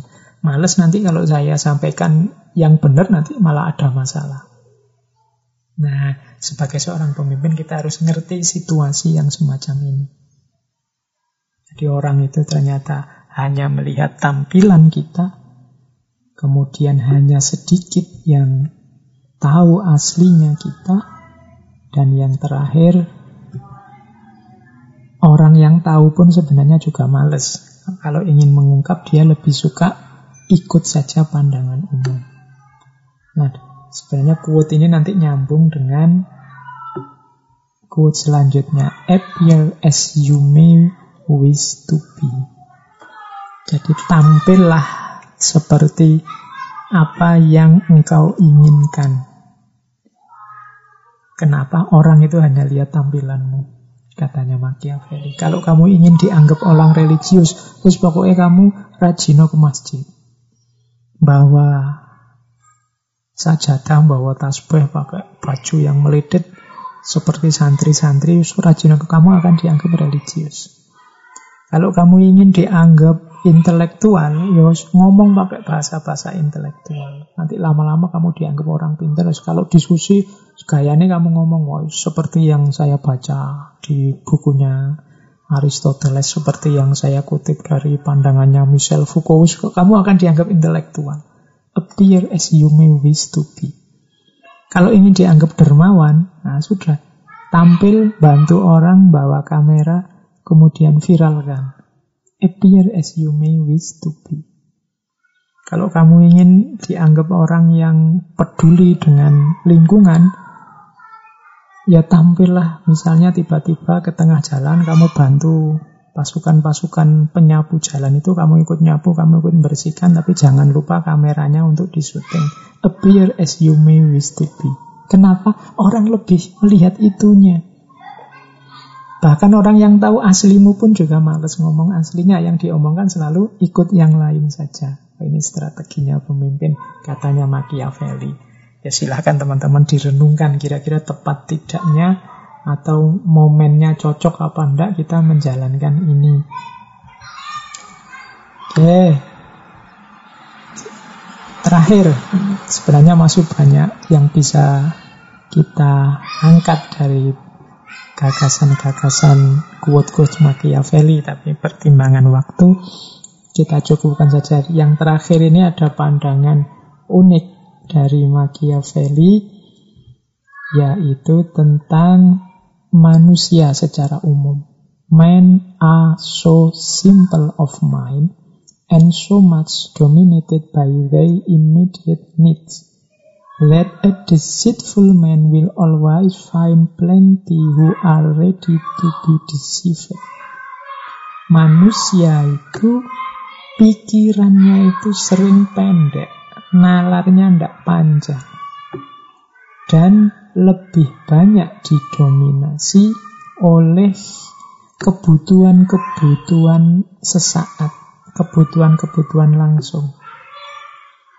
Oleh karena itu, seorang penipu akan selalu menemukan banyak orang yang siap untuk ditipu. Katanya Machiavelli, ingat-ingatlah wahai pemimpin, orang-orang itu pikirannya tidak panjang mereka lebih banyak didominasi oleh kebutuhan-kebutuhan singkat praktis.